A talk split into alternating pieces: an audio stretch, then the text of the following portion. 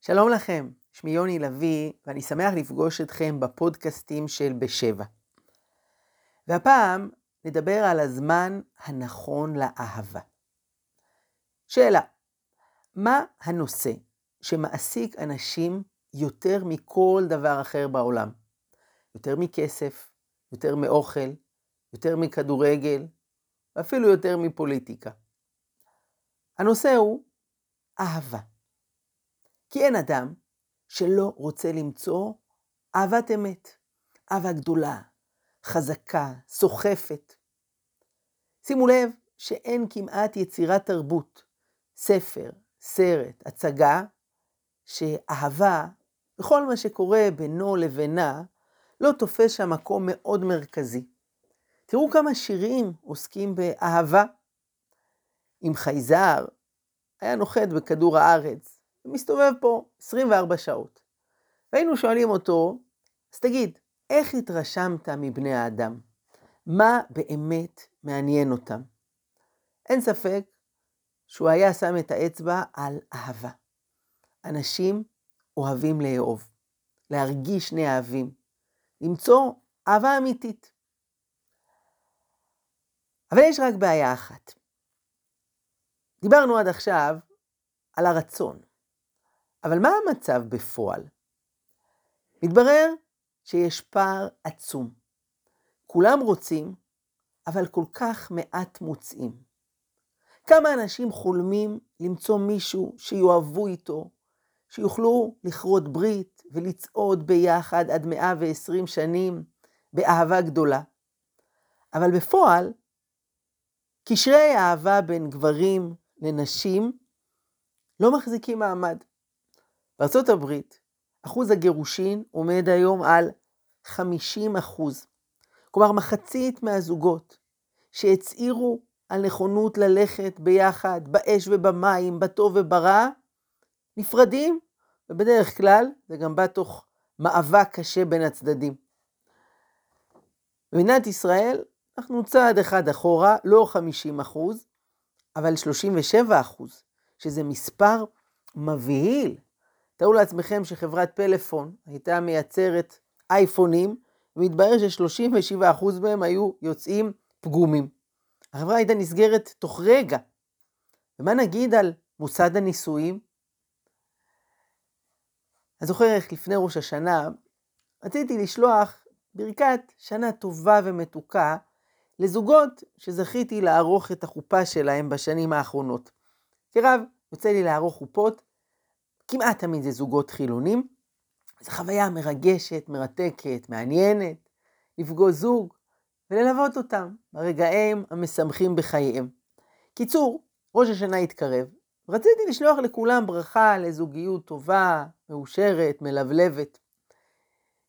עשיתי תפוצה בוואטסאפ וכמעט שלחתי, ואז אשתי אמרה לי, רגע, לך תדע, אתה שולח להם ברכה לזוגיות מאושרת? מי יודע אם הם עדיין נשואים?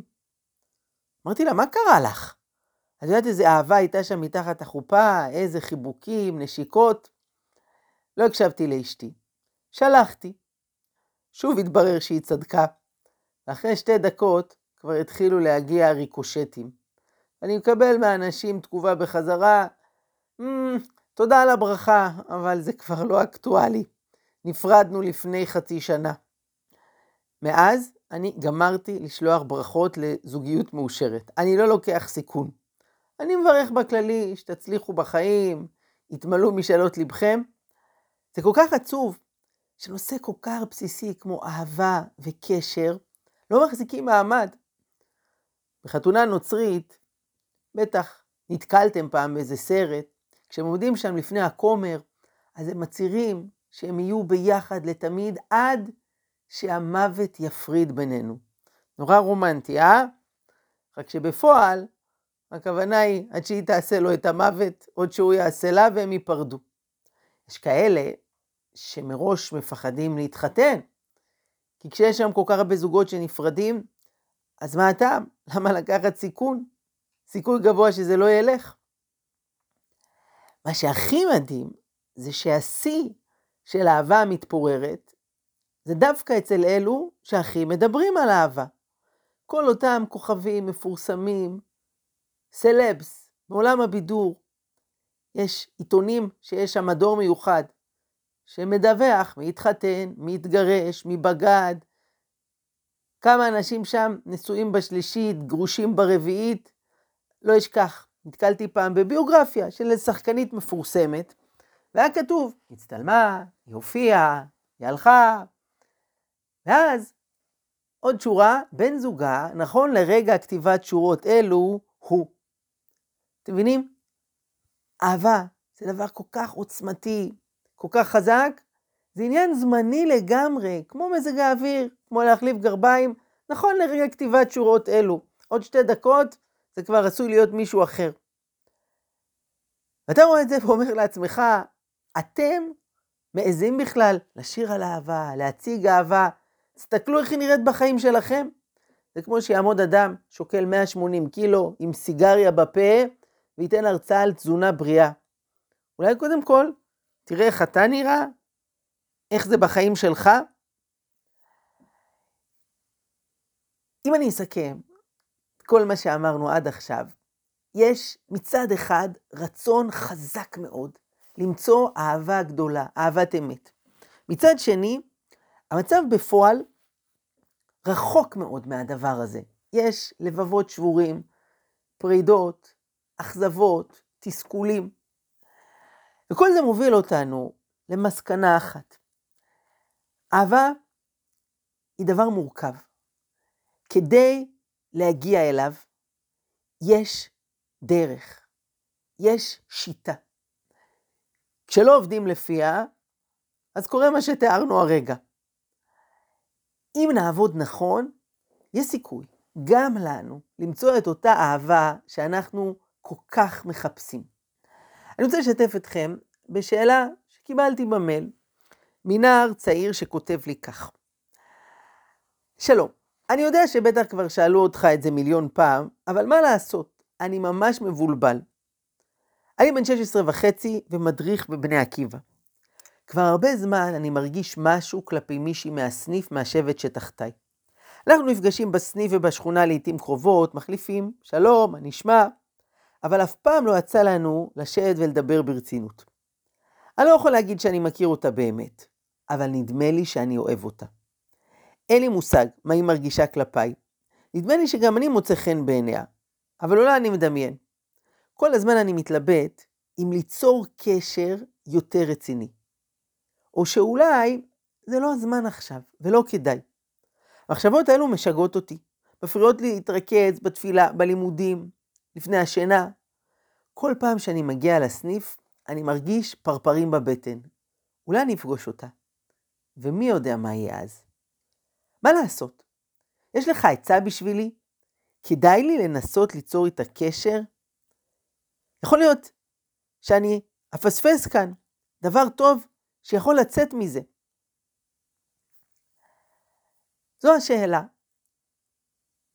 ושוחחתי עם אותו בחור, ואמרתי לו כך, אהבה היא דבר נפלא. זה כזה כיף שיש מישהו שאכפת לו ממך, שנותן לך הרגשה שרוצים אותך, שאת יפה, שאתה מוצא חן בעיני מישהי.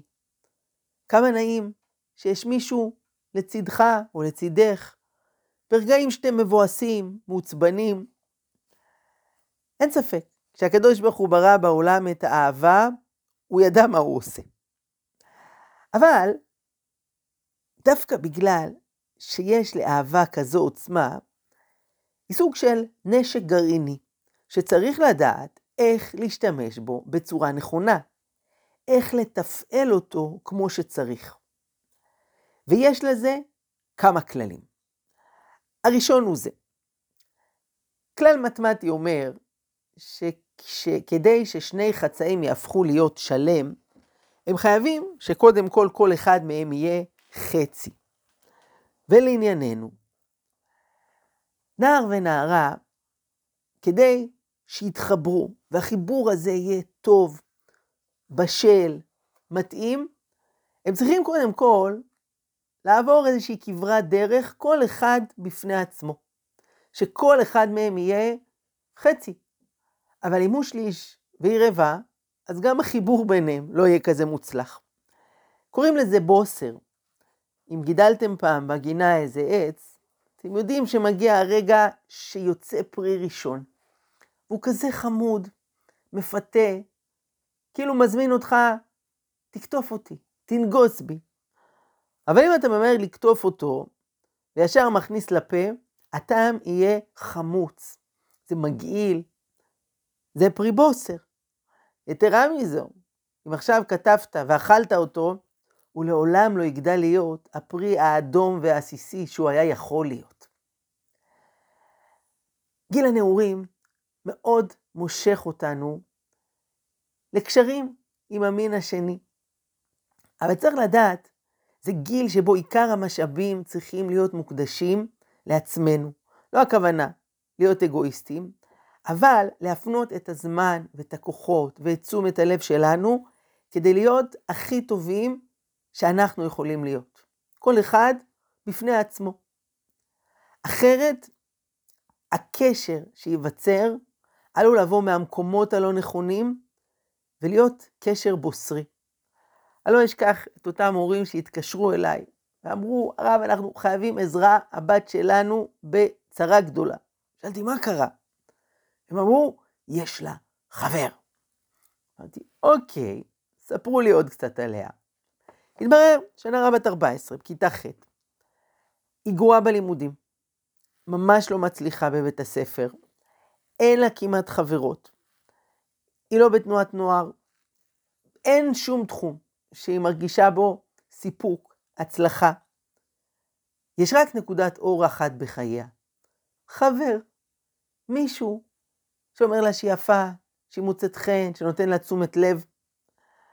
אמרתי להורים, תקשיבו, הילדה שלכם רואה שחור לאיפה שהיא לא מסתכלת. החבר זה נקודת האור בחייה.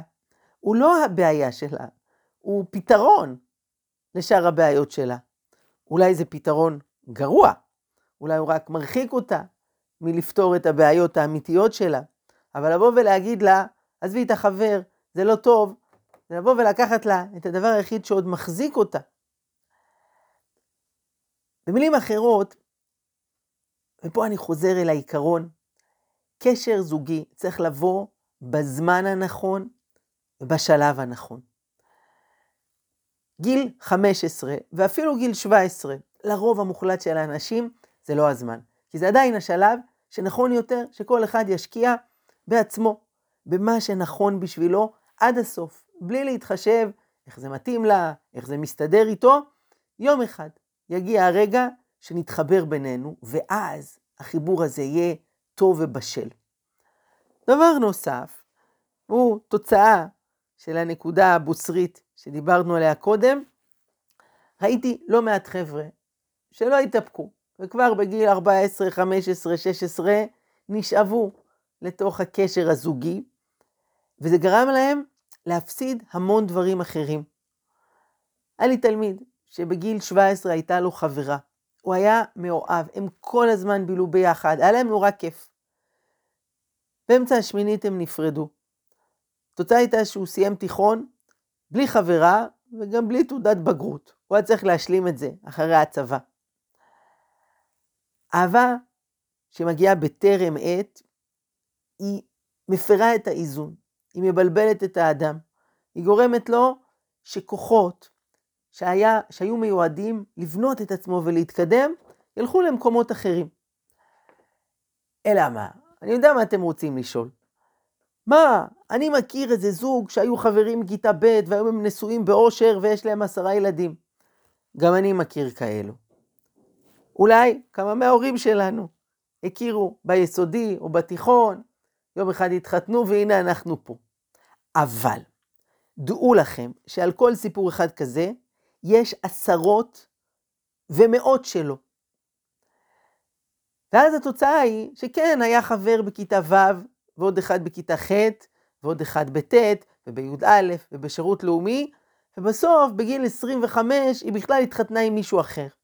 אבל התוצאה היא שהיא מגיעה עם מטען שלם של זיכרונות, של השוואות, של שריטות, מכל הקשרים האלה, שבסוף לא יצא מהם שום דבר. סיפור מקסים על מקום שהיה מקובל שכשזוג מתחתן, אז אחרי החופה, כשיושבים בחדר איחוד, החתן היה נותן לכלה איזה מתנה. מעשה בחתן אחד, עני מאוד, שלא היה לו כסף לקנות כלום, לא צמיד, לא שרשרת. אבל אז כשישבו בחדר איחוד, אז הוא אמר לה, אהובתי היקרה, אשתי, תמיד מקובל שברגע הזה נותנים איזו מתנה. אבל לא היה לי כסף לקנות לך כלום, לא עגילים, לא שרשרת. אבל יש מתנה אחרת שאני רוצה לתת לך. מתנה יקרה הרבה יותר. והיא שאת הראשונה והיחידה שהייתה לי אי פעם. לא אהבתי מעולם אף אחת. הידיים שלי לא נגעו באף אחרת. העיניים שלי לא הסתכלו באופן לא צנוע על אף בחורה אחרת. את הראשונה והיחידה שלי, מאז ומעולם. הכל היה שמור רק לך. מה דעתכם? זאת מתנה שווה? אין לי ספק שכולנו היינו רוצים לתת מתנה כזו וגם לקבל אותה. ובשביל זה צריך סבלנות. צריך לדעת שכל דבר בזמנו. כמובן שפה גם באה ההלכה היהודית ומכוונת אותנו ומלמדת אותנו על כל מיני איסורים הלכתיים שעלולים לעבור עליהם כשקשר מתחיל בגיל צעיר ומותחים אותו על פני שנים, סוג של הסתכלות, הרהור, ייחוד, נגיעה. צריך לדעת, ההלכה היא לא נגדנו, היא לטובתנו. היא באה להתוות לנו את הדרך איך ללכת נכון ומדויק יותר. אני אוסיף עוד שאלה אחת לסיום. מה קורה אם כבר התחלנו איזשהו קשר, וזה נחמד. אני יודע בלב, וגם מי, שזה לא הזמן הנכון לזה. אבל אם אני אפסיד אותה עכשיו, אם אני אפרד, אז מי יודע, אולי אני אפספס פה את אהבת חיי, את מי שהייתה יכולה להיות אשתי יום אחד. תראו, אני חושב שכאן צריך להתחזק באמונה. להתחזק בידיעה שאם אנחנו עושים את רצון השם ומחכים בסבלנות לזמן המתאים, לאדם המתאים, לא יכול להיות שנפסיד בגלל זה את אהבת חיינו. אם באמת זאת שראית בסניף, אמרתי לאותו בחור, היא המיועדת לך משמיים, אל תדאג. סמוך על ריבונו של עולם, שבזמן המתאים הוא ימצא את הדרך להפגיש ביניכם שוב. ואם זו לא המיועדת לך, אם זו לא אותה אחת שאמורה להיות החצי השני שלך, עדיף לך לעצור עכשיו. לא להיכנס לזה ולשמור את עצמך למען אותה אחת שמחכה לך אי שם, יום אחד. נראה לי שגם היא הייתה מאוד שמחה לדעת שאתה שומר את עצמך בשבילה, בסבלנות, וגם אתה היית מצפה את הדבר הזה ממנה. אז דיברנו כאן על הפער הגדול בין הרצון לאהבה למה שקורה בפועל, ועל כך שיש דרך לעשות את זה נכון. דיברנו על נקודה או שתיים לגבי העיתוי המתאים, לגבי השלב המתאים, וצריך פה סבלנות, וצריך אמונה. אני רוצה לברך את כולכם, שתמצאו את הכוחות ואת הגבורה לעשות את זה נכון יותר, חכם יותר, ותזכו בעזרת השם, ברגע המתאים לאהבה גדולה, אהבת אמת, עד 120 ביחד, וגם לאחר מכן. להתראות.